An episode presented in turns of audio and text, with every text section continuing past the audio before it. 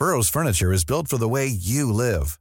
From ensuring easy assembly and disassembly to honoring highly requested new colors for their award-winning seating, they always have their customers in mind. Their modular seating is made out of durable materials to last and grow with you. And with Burrow, you always get fast, free shipping. Get up to 60% off during Burrow's Memorial Day sale at burrow.com slash ACAST. That's burrow.com slash ACAST.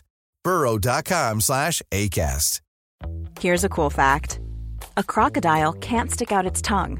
Another cool fact you can get short term health insurance for a month or just under a year in some states. United Healthcare short term insurance plans are designed for people who are between jobs, coming off their parents' plan, or turning a side hustle into a full time gig. Underwritten by Golden Rule Insurance Company, they offer flexible, budget friendly coverage with access to a nationwide network of doctors and hospitals. Get more cool facts about United Healthcare short term plans at uh1.com. Millions of people have lost weight with personalized plans from Noom, like Evan, who can't stand salads and still lost 50 pounds. Salads, generally, for most people, are the easy button, right? For me, that wasn't an option. I never really was a salad guy. That's just not who I am. But Noom worked for me. Get your personalized plan today at Noom.com. Real Noom user compensated to provide their story. In four weeks, the typical Noom user can expect to lose one to two pounds per week. Individual results may vary. Varmt velkommen til nok et medlemsmøte i eh, Oslo Militære Samfunn. Før eh, jeg gikk fra jobb i dag, så googlet jeg cyberkrig, cybertrusler og cyberkrigføring. Jeg fikk veldig mange treff fra norske media, og den ene artikkelen var jo mer urovekkende enn den andre. Hvor redd skal vi være? Hva er trusselen? Hva består trusselen eller truslene i? Er vi godt nok forberedt? er tittelen som sjefen for Cyberforsvaret, brigader Halvor Johansen, har satt på aftenens foredrag.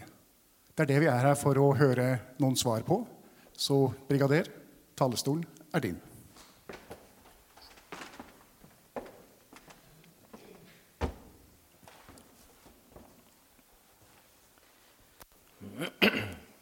Deres Majestet, formann, eh, generaler og admiraler, ærede forsamling. Takk for eh, invitasjonen til å komme hit i kveld for å snakke for dere. Det er fire år siden sist Cyberforsvaret rapporterte status til eh, denne salen. Og det har vært lange og travle år. Det er en periode hvor vi har sett alvorlige og disruptive hendelser i Norge, i Europa og i verden. Vi har sett at den nasjonale forståelsen av trusler mot vår sikkerhet og våre verdier har endret seg betydelig.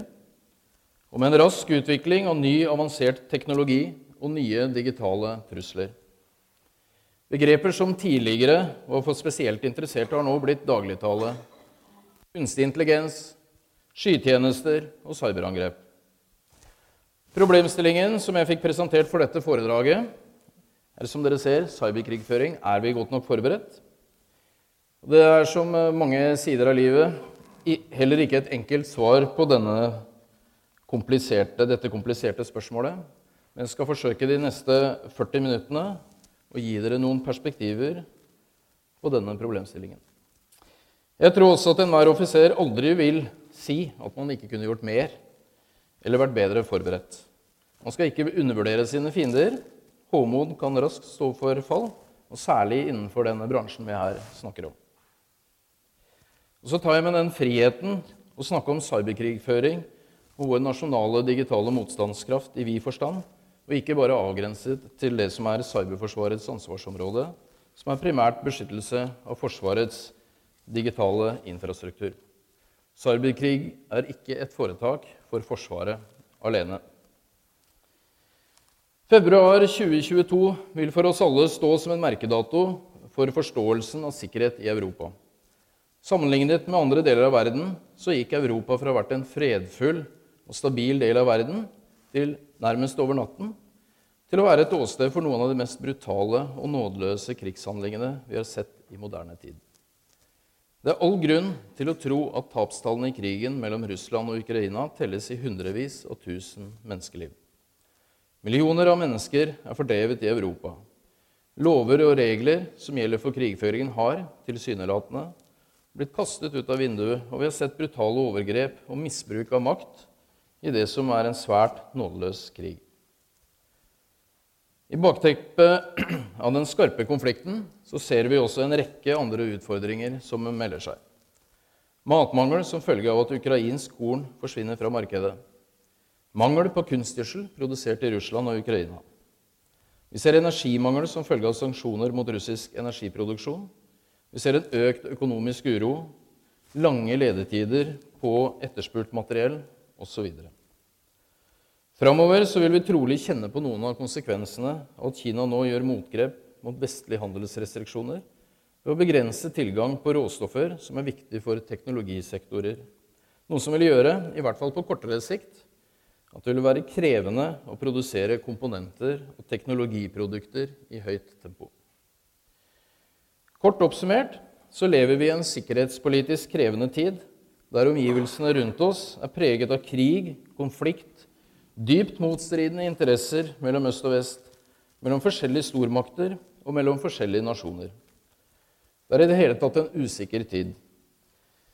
I slike tider så betyr det også at informasjons- og kunnskapsbehovet til beslutningstakere er stort, at det er et betydelig etterretningsvirksomhet, påvirkningsaktivitet og ønsker om å forstyrre dagliglivet til borgere, til samfunn og til nasjoner verden over.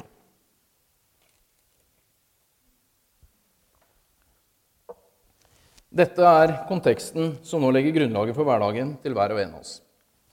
Etterretningstjenesten, Nasjonal sikkerhetsmyndighet og Politiets eh, sikkerhetstjeneste beskriver dette trusselbildet meget godt i sine årlige rapporter. Ja, så godt som det faktisk er mulig å skrive det i ugraderte versjoner. De er også gode eksempler på at det er mye vi kan dele, og som er viktig for vår forståelse og årvåkenhet. Det rapporteres der om statlige aktører, metoder som nettverksoperasjoner, rekruttering av kilder og fordekt anskaffelsesvirksomhet, og der hensikten bl.a. er å få tilgang til sensitiv informasjon, ulovlig kunnskapsoverføring, kartlegge, overvåke og påvirke egne og andre borgere bosatt i Norge. Og Det er åpenbart at fremmede staters og andre trusselaktørers bruk av teknologi kan komme til å utvikle seg raskere enn åpne demokratiers evne til å beskytte seg. Autoritære regimer vil kunne utnytte informasjonsteknologi på måter som rammer demokratier med åpne informasjonsmiljøer hardest. Vi trenger derfor en mer trusselorientert føre-var-tilnærming for å hindre at uønskede aktører får fotfeste i Norge.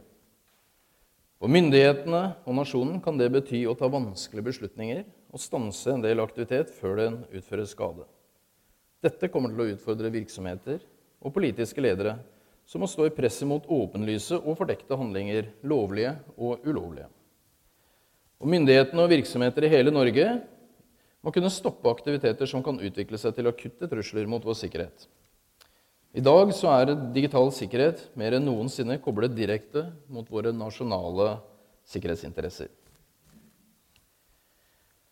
Vi lever altså for tiden med et komplekst og sammensatt trusselbilde i hele konfliktspekteret der vi har nasjoner, organisasjoner og grupperinger som ikke deler våre interesser, og som ikke vil oss vel. Dette er aktører som søker å drive spionasje mot Norge, som ønsker å skaffe seg strategiske fordeler gjennom å forstyrre vår, vårt levevis og norsk politikk. Det er aktører som på kort varsel kan dreie til en mer betraktelig mer destruktiv atferd. Det er verdt å reflektere litt rundt hvordan trusselaktørene jobber og virker, gitt dagens sikkerhetspolitiske situasjon. De har innhentingsplaner og operasjonsplaner. Og de er på jakt etter noe som de har for å realisere spesielle effekter. Med utgangspunkt i disse planene så jobber de aktivt for å nå sine målsetninger. Og de jobber på flere fronter og flere områder for å realisere sine mål. Dersom de ikke lykkes i cyberdomenet, så vil de prøve seg i den fysiske verden. Kanskje ved å ta seg fysisk inn på installasjonene våre, eller ved å kompromittere våre ansatte. Eller de søker å finne løsninger hos andre aktører, samarbeidspartnere, allierte eller blant kommersielle leverandører. De angriper våre verdikjeder. Og når vi herder systemene våre, så er det en fare for at trusselen flytter seg over mot menneskene. Dette er nå den nye normalen for oss, og som stiller nye og andre krav til oss for å møte eksempelvis innsidertrusselen. Det digitaliserte Norge som vi alle lever i og er en del av, er som kjent et mer sårbart Norge. Digitaliseringen åpner for nye trusler, og det åpner for en ny type risiko som må håndteres. Globaliseringen har også gjort at vi nordmenn er både sårbare og avhengige av varer og tjenester fra andre deler av verden, noe som gjør, også gjør at andres utfordringer og problemer raskt kan også bli vårt problem. Og Sist, men ikke minst, så har også nye forretningsmodeller og nye måter å drive business på gjort oss mer sårbare. Vi har mindre deler av verdikjedene til virksomheten vår in-house og er mer avhengig av underleverandører og partnere for å realisere kjernevirksomheten vår. Det er mange gode grunner til det, og det gir oss betydelige gevinster, men det leder også til noen nye utfordringer. Våre avhengigheter ut av Forsvaret innen forsyning, logistikk, infrastruktur, elektronisk kommunikasjon og utallige andre områder. Det gjør oss på den ene siden sterkere fordi vi kan spille på styrkene til de andre aktørene, men samtidig også mer sårbare siden andre svakheter blir vår risiko når det kommer til et stykke. Så når vi snakker om sikkerhet og beredskap i en usikker tid, så koker det i praksis ned til at vi må tenke langt mer helhetlig den måten vi har tenkt sikkerhet siden slutten av den kalde krigen. Dette er en viktig erkjennelse, og det er ikke en erkjennelse som jeg kommer med i dag, men som både Forsvarskommisjonen, Totalberedskapskommisjonen og Sikkerhetsfaglig råd fremhever i sine rapporter. Aktørene som ønsker å gjennomføre aktivitet i og mot vår infrastruktur i cyberdomenet, vil unektelig utfordre oss i alle faser av konfliktspekteret. Det er kanskje ikke stor forskjell i mengden aktivitet man vil se i de ulike fasene, men vår evne til å oppdage, følge, avskjære, isolere og fjerne en trussel, den må være lik i alle faser. Det står i kontrast til beredskapen for tradisjonelle maktmidler i land-, sjø- og luftdomenene, der man vil måtte oppleve en gradvis eskalering, kunne forberede seg i en viss grad. I cyberdomenet må, må vi hver eneste dag være forberedt. Figuren øverst til høyre illustrerer også godt hvordan cyberoperasjoner i stor grad er en aktivitet som ikke signifikant øker eller minsker avhengig av krisespekteret, samtidig som man ikke nødvendigvis skiller på hvilket domene som treffes av aktiviteten. For de som vil oss vondt, og med tanke på kompleksiteten i det å kunne gjennomføre et målretta og effektivt cyberangrep, så kreves det et langt forarbeid uten å bli oppdaget. Det tar gjerne lang tid å kartlegge, avdekke sårbarheter og skaffe seg aksesser som senere kan utnyttes i såkalte effektoperasjoner. Det betyr også at cybersikkerhet og gjennomføringen av det vi kaller defensive cyberoperasjoner, må planlegges og ressurssettes like mye i fred som i krig. Og selv om Norge har en relativt defensiv strategi for digital sikkerhet sammenligna med mange andre land, så mener jeg vi både kan og må gjøre mer for at trusselaktører ikke skal føle seg trygge dersom de først kommer seg inn i vår digitale infrastruktur. Basert på risikovurderinger bør vi avsøke våre egne systemer, slik, at, slik man har gjort på fysisk, eksempelvis på olje- og gassinfrastrukturen. Situasjonen nå den tilsier at vi bør komme oss litt lenger fram i skoa enn hva tilfellet har vært til nå.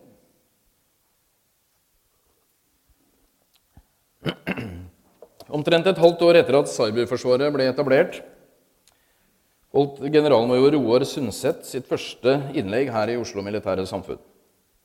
Han reflekterte der i foredraget sitt rundt fire hovedmomenter som det den gang var viktig å erkjenne så snart som mulig. Det første var at cybertrusselen ble stadig større, og at trusselen kom til å fortsette å utvikle seg i negativ retning, og at det ville bli stadig mer krevende for defensive aktører å holde tritt med trusselutviklingen.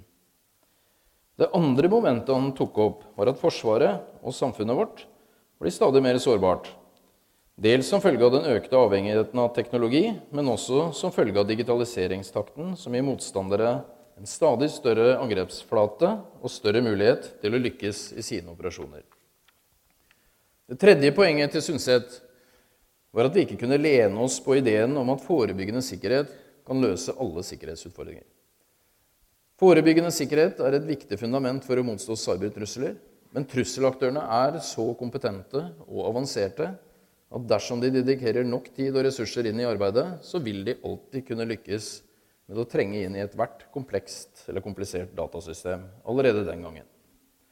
Siste poenget til Sundset var at samarbeid vil være nøkkelen til å løse datidens og dagens utfordringer.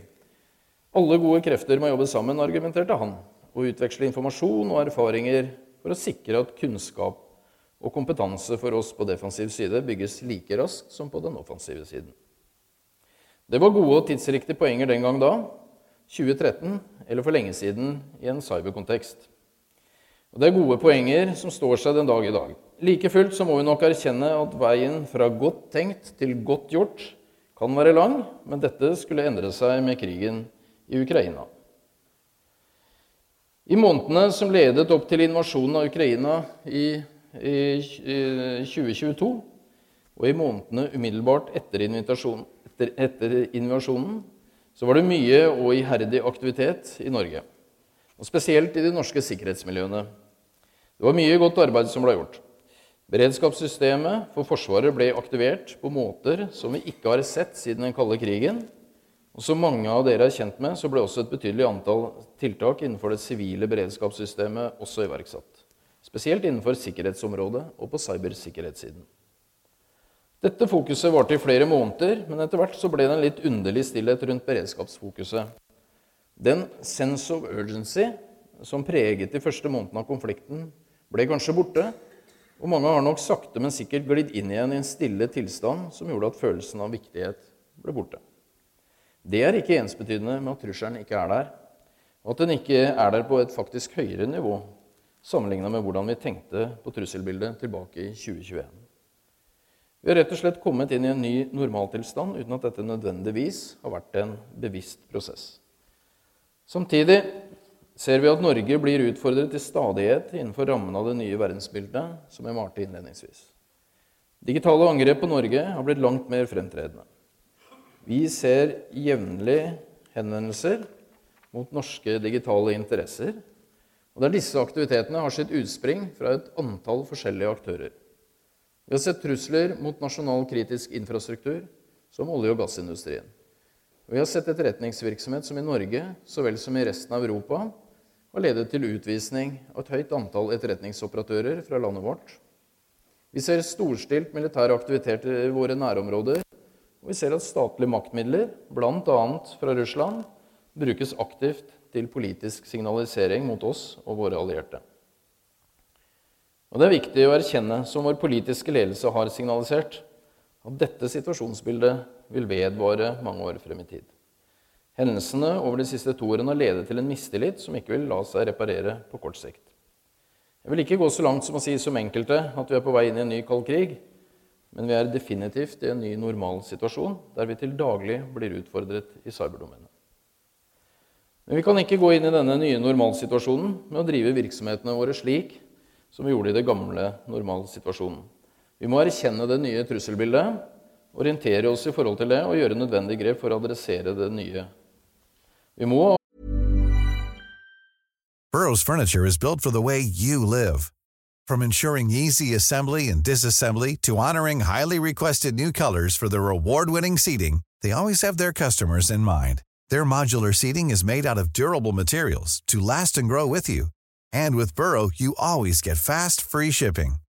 Get up to 60% off during Burrow's Memorial Day sale at burrow.com slash ACAST. That's burrow.com slash ACAST. burrow.com slash ACAST. Hiring for your small business? If you're not looking for professionals on LinkedIn, you're looking in the wrong place. That's like looking for your car keys in a fish tank. LinkedIn helps you hire professionals you can't find anywhere else, even those who aren't actively searching for a new job but might be open to the perfect role. In a given month, over 70% of LinkedIn users don't even visit other leading job sites. So start looking in the right place. With LinkedIn, you can hire professionals like a professional. Post your free job on linkedin.com slash people today. Oversikt over og sikre verdikjedene våre og leverandørkjedene. Vi må bygge beredskaps på tvers av sektorer i rammen av totalforsvarskonseptet. Vi må ha et effektivt samarbeid og en rask informasjonsdeling for at vi sammen kan verne om våre verdier og samfunnsfunksjoner. Som sagt er cybersikkerhet i større grad enn noensinne lik nasjonal sikkerhet. Og der felles innsats og samarbeid på tvers av sektorer og private virksomheter er et suksesskriterium.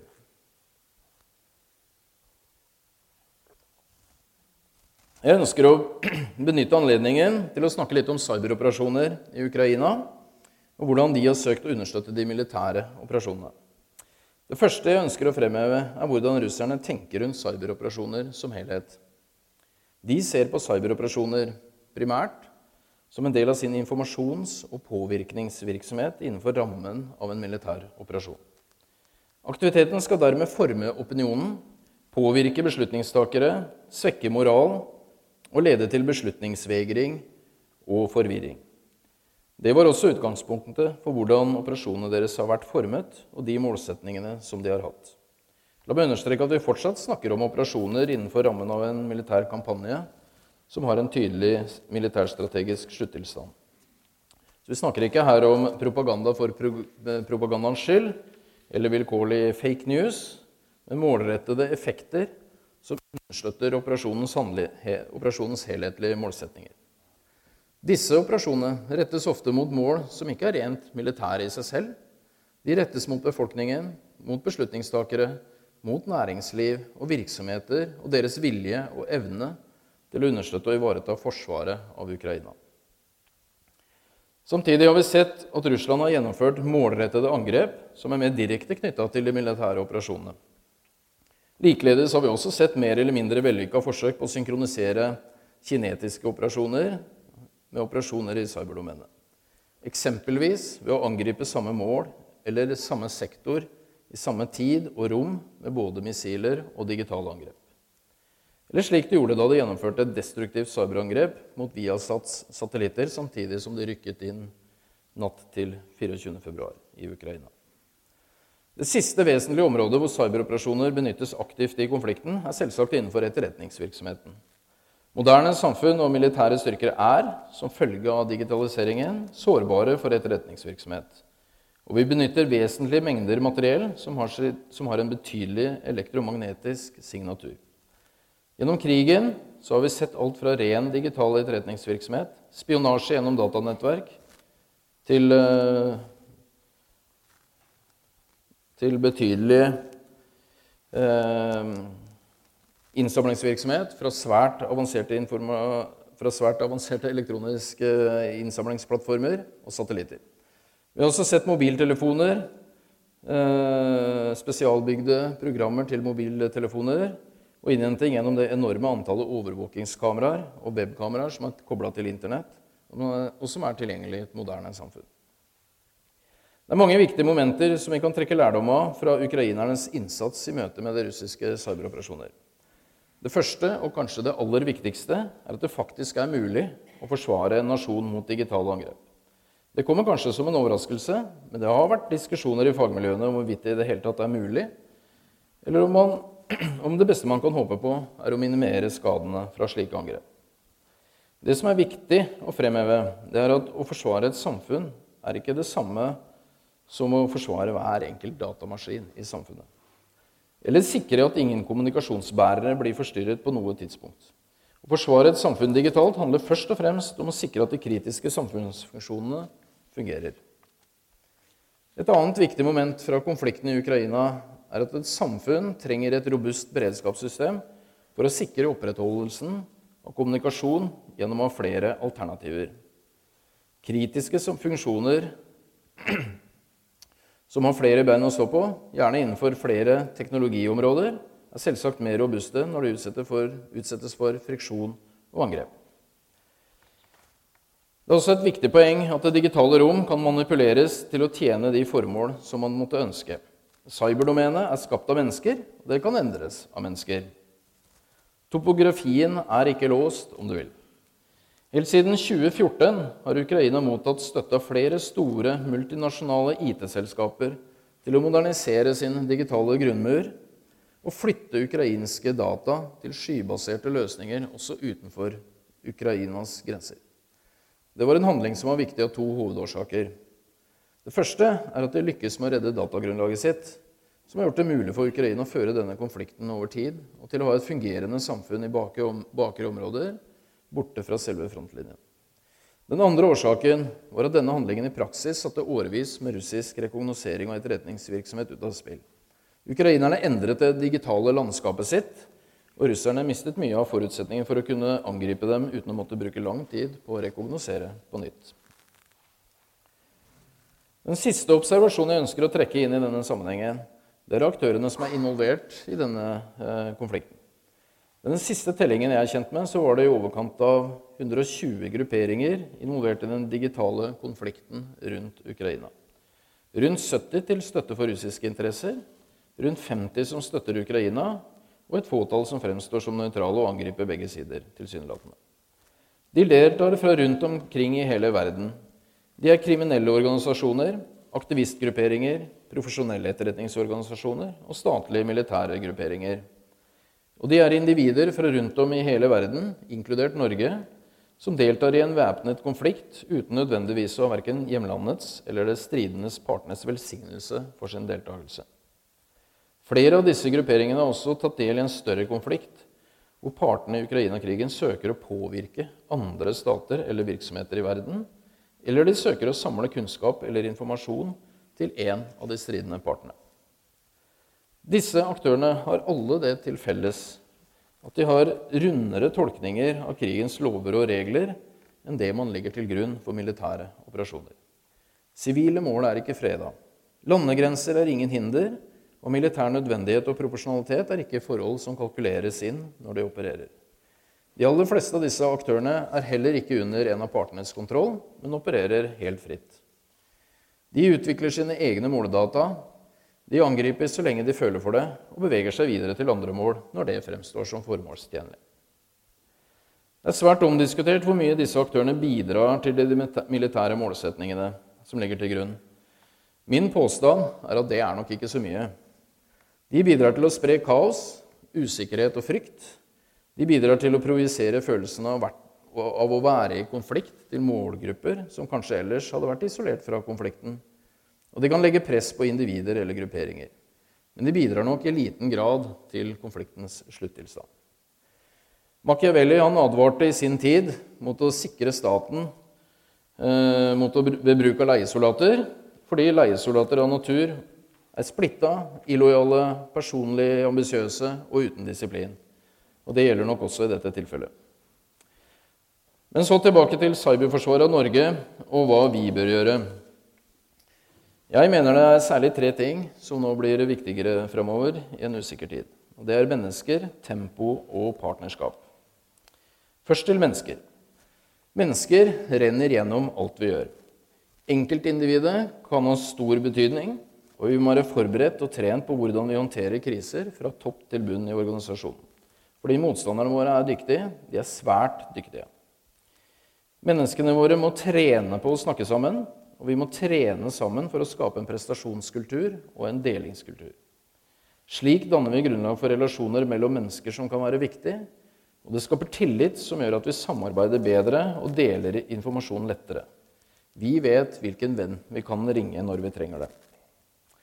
Jeg vil her fremheve øvelser, som f.eks. Øvelse, øvelse Bukkesprang, som arrangeres hos Telenor i samarbeid med Cyberforsvaret og Nasjonal sikkerhetsmyndighet den internasjonale cyberforsvarsøvelsen Locked Shields og Nato-øvelsen Cyber Coalition, som alle er meget gode arenaer for å gjøre nettopp dette. Og Disse øvelsene prioriterer vi i Cyberforsvaret høyt, og det kommer vi til å fortsette med videre fremover.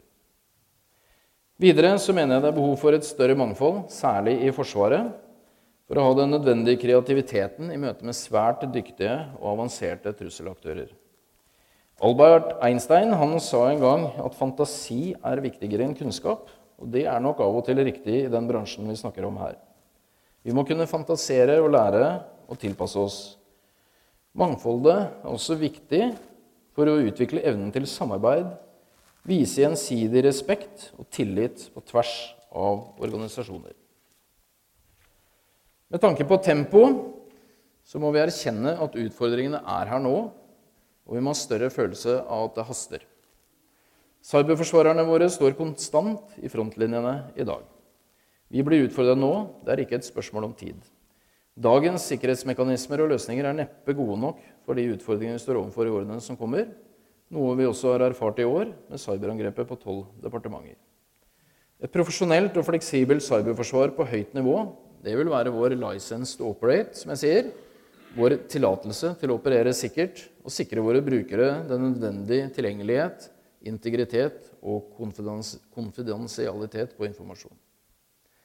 Vi lever i en digital tidsalder der ny og kommende disruptiv teknologi vil kunne endre og påvirke kjente prinsipper i krigføringen, som f.eks. overraskelse og villedning, og det kan åpne nye flanker. Vi må få opp farta, og spesielt for oss i Forsvaret så kan måten vi erverver ny teknologi, være for tidkrevende og slik sett en risiko i seg selv. Vi må gi industrien og privat næringsliv oppdrag og ikke detaljerte spesifikasjoner som gjør at leveransene er utdaterte når de leveres. Vi kan ikke tillate oss å kjempe morgendagens krig med gårsdagens teknologi. Det er bare å se til Ukraina. Kriger kan endre på alt, og vi bør slik sett være villige til å endre på alt også før den neste krigen. Og Det bringer meg over til min neste poeng, som er partnerskap. Som mange av dere sikkert fikk med dere, så presenterte Nasjonal sikkerhetsmyndighet for en drøy uke siden en offentlig rapport. Nasjonalt digitalt risikobilde 2023, hvor de presenterer et alvorlig bilde på sikkerhetstilstanden i Norge. Trusselutviklingen er betydelig, og vår evne som samfunn til å ta utfordringene på alvor og lukke gapet mellom trusselen og evne til beskyttelse er utilstrekkelig. Og La meg understreke at det gapet som uh, sikkerhetsmyndigheten her påpeker, det er i fredstid. Du kan kanskje gå raskere alene, men du når lengre sammen. Og ingen aktører er rusta til å beskytte og forsvare Norge i det digitale rom alene. Vi bør derfor bevege oss mer fra meg og mitt til vi og vårt. Vi som har digitale infrastrukturer, vi er viktige for hverandre, og vi er avhengige av hverandre. Vi må jobbe, som jeg tidligere har vært inne på, bygge tette og fortrolige bånd og jobbe sammen og ta ansvar for hverandre. Digital motstandskraft det er ikke avskrekkende i seg selv, men ved å vise at vi står sammen og trekker veksler på hverandre, så gjør vi det i det minste mer krevende for våre fiender. Og det skaper betydelig større utholdenhet på vår side. Mange av oss har også de siste 20 år sentralisert mye og partnerskap kan også være en måte å skape større resiliens og motstandskraft på. For kort tid siden så inngikk Cyberforsvaret en samhandlingsavtale med Nasjonal sikkerhetsmyndighet om drift og forvaltning av Nasjonalt varslingssystem for digital infrastruktur. Dette er et viktig element i sikringen av Forsvarets informasjonssystemer, og det styrker vår felles evne til å forebygge spionasje, sabotasje og vår håndtering av alvorlige digitale hendelser. Det bedrer også vår evne til å detektere målrettede og koordinerte angrep. Avtalen gjør også at Nasjonal sikkerhetsmyndighet og Forsvaret kan utveksle informasjon om pågående cyberoperasjoner i sivil eller militær sektor, noe som gir mulighet til å avdekke operasjoner i de øvrige sektorene. Det gir også mulighet til å oppdage alvorlige cyberoperasjoner som tidligere ikke lot seg avdekke eller håndtere. Et godt eksempel på at samhandling på tvers gjør oss sterkere. Vi har imidlertid en utfordring med nok kapasitet og kompetanse. Volumet av nasjonal IT-kompetanse og ikke minst IT-sikkerhetskompetanse er for lavt, også i Forsvaret. Og moderniseringen av Forsvaret gjør at kompetansebehovet vokser stadig. Og dessverre er det krevende å holde tritt med denne utviklingen. Det er også krevende å konkurrere om kompetanse på det åpne markedet. Vi kjemper om de samme hodene. Et utvidet samarbeid og partnerskap det vil gjøre det mulig å møte denne utfordringen på en bedre måte enn det vi klarer i dag. Så tilbake til det sentrale spørsmålet her i kveld. Er vi godt nok forberedt for cyberkrigføring i Norge? La meg ta et lite forbehold og fremheve at en eventuell fremtidig konflikt med Russland ikke vil være en blåkopi av konflikten mellom Ukraina og Russland. Russland kommer til å lære av krigen i Ukraina, og de vil nok både utvikle og modernisere seg betydelig framover. Kriger driver som kjent innovasjon. Men nå er det alvor, og vi lever i et sårbart samfunn. Og Forsvaret har også sine sårbarheter. Vi har et stort behov for å modernisere den digitale grunnmuren i Forsvaret og gjøre den forsvarbar, som vi sier. Og som Riksrevisjonen påpekte høsten 2021, så har vi våre utfordringer på flere områder. Siden den gang så har vi imidlertid jobba hardt. Vi har gjort mye bra, og vi har gjort mye riktig. For å forbedre sikkerheten på systemene våre. For samvirke internt i Forsvaret og for samvirke med våre allierte. Vi gjennomfører nå til daglig integrerte operasjoner med våre allierte i våre interesseområder. Fokuset på beredskap og sikkerhet har økt betydelig, og vi samarbeider stadig bedre på cyberområdet, både nasjonalt og internasjonalt. Vi har løfta beredskapen i Forsvaret etter at krigen starta i Ukraina. Vi har styrket vår operative evne innen cybersikkerhet i cyberforsvaret og i forsvarssektoren. Og vi har i dag evner og kompetanse som er fullt på høyde med andre land i alliansen. I Natos øvelser og konkurranser så presterer vi som regel blant den øverste tredjedelen, og der deltar vi ofte med andre norske offentlige og private virksomheter på laget. Men som sagt innledningsvis det er vanskelig for en offiser å si at man ikke kunne gjort mer eller vært bedre forberedt og vi gjør klokt i å ikke undervurdere sine fiender. Selv om hunden ikke bjeffer, så betyr ikke det at hunden heller ikke kan bjeffe. Så for tiden og i uoverskuelig framtid så vil våre cyberforsvarere til daglig stå imot trusselaktører som ikke vil oss vel. Så med det så takker jeg for oppmerksomheten.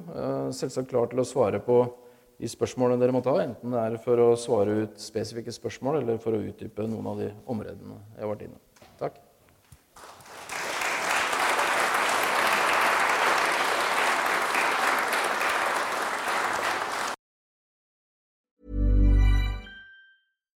When we're on a budget, we still deserve nice things.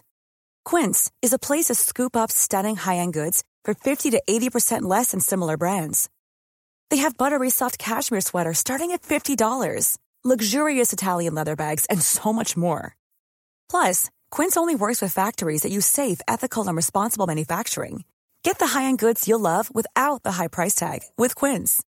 Go to quince.com/style for free shipping and 365-day returns.